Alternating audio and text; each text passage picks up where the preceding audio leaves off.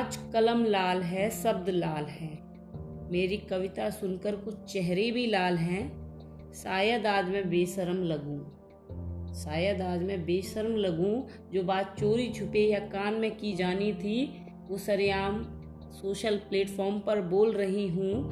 मैं आज आपके सामने पढ़ी लिखी सोसाइटी की वर्किंग वुमेन के पीरियड्स के दर्द वाला कड़वा सच खोल रही हूँ।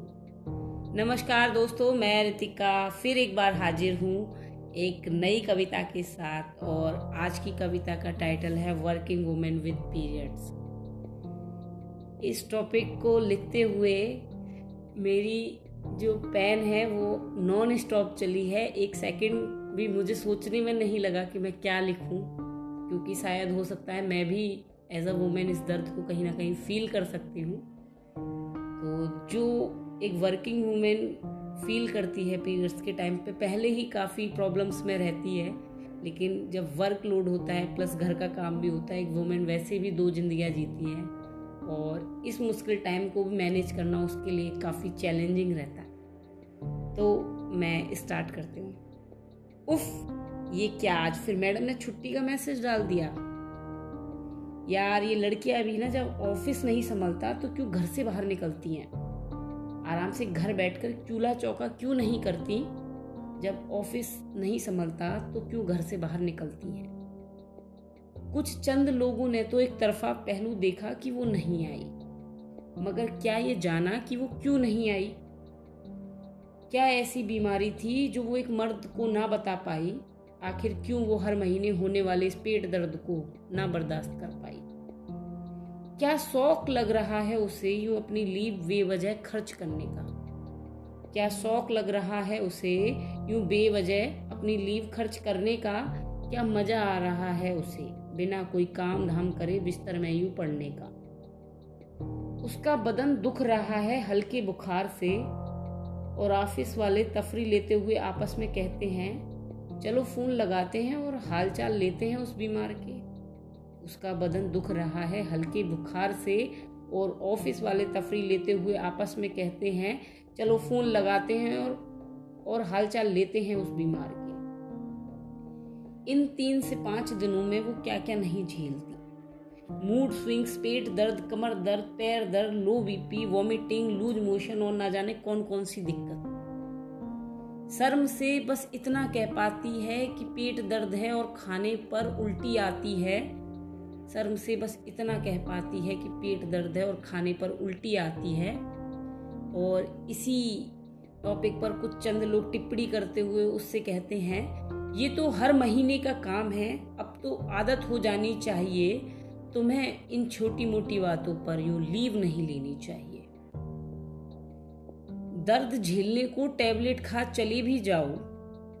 अगर दर्द झेलने को टैबलेट खा चले भी जाओ तो ऐसी कौन सी बीमारी थी जो एक दिन में ठीक हो गई? ऐसा ताना सुनने को मिलता है। ऐसी कौन सी बीमारी थी जो एक दिन में ठीक हो गई? लगता है मैडम की नींद छुट्टी कर पूरी हो गई। ऐसी कौन सी बीमारी थी जो एक दिन में ठीक हो गई? और फीमेल को तो बस काम करना है, किसी को नहीं दिखता कि वो अंदर ही अंदर क्या झेल रही है। ऑफ़िस में आकर तो मजदूरी पर लगना है मीटिंग हो या ट्रेनिंग तुम्हें हर एक्टिविटी को अटेंड करना है। अंदर से चाहे दर्द से टूट रही हो, मुझे इस कमज़ोर शरीर को इग्नोर कर, वही इंडिपेंडेंट स्ट्रांग वुमेन बनना है। अंदर से, चाहे दर्द से टूट रही हो, मुझे इस कमज़ोर शरीर को इग्नोर कर वही इंडिपेंडेंट स्ट्रांग वुमेन बनना है। मूड स्विंग से जंग चलती है इमोशंस की दिल के अंदर। अपने अंदर की और बाहर की हर लड़ाई को लड़ना है। ऑफ़िस में आकर तो मजदूरी पर लगना है। आते जाते चलते फिरते डर लगता है मुझे रेड स्पॉट का। आते जाते चलते फिरते डर लगता है मुझे रेड स्पॉट का।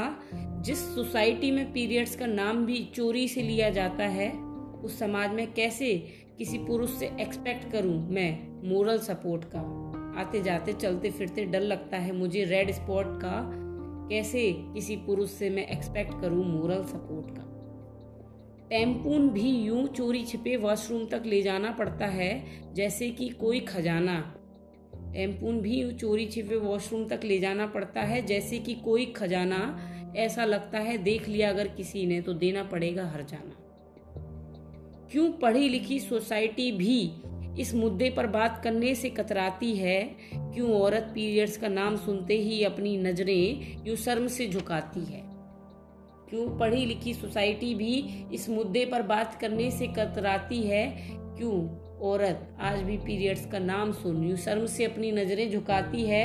जब औरत और मर्द को समाज में बराबर बताया जाता है तो क्यों पीरियड्स वाले इस दर्द को पुरुषों को फील नहीं कराया जाता है? तो क्यों पीरियड्स वाले इस दर्द को पुरुषों को फील नहीं कराया जाता है? जब ये विशेष प्रक्रिया भगवान ने एक औरत को दी है।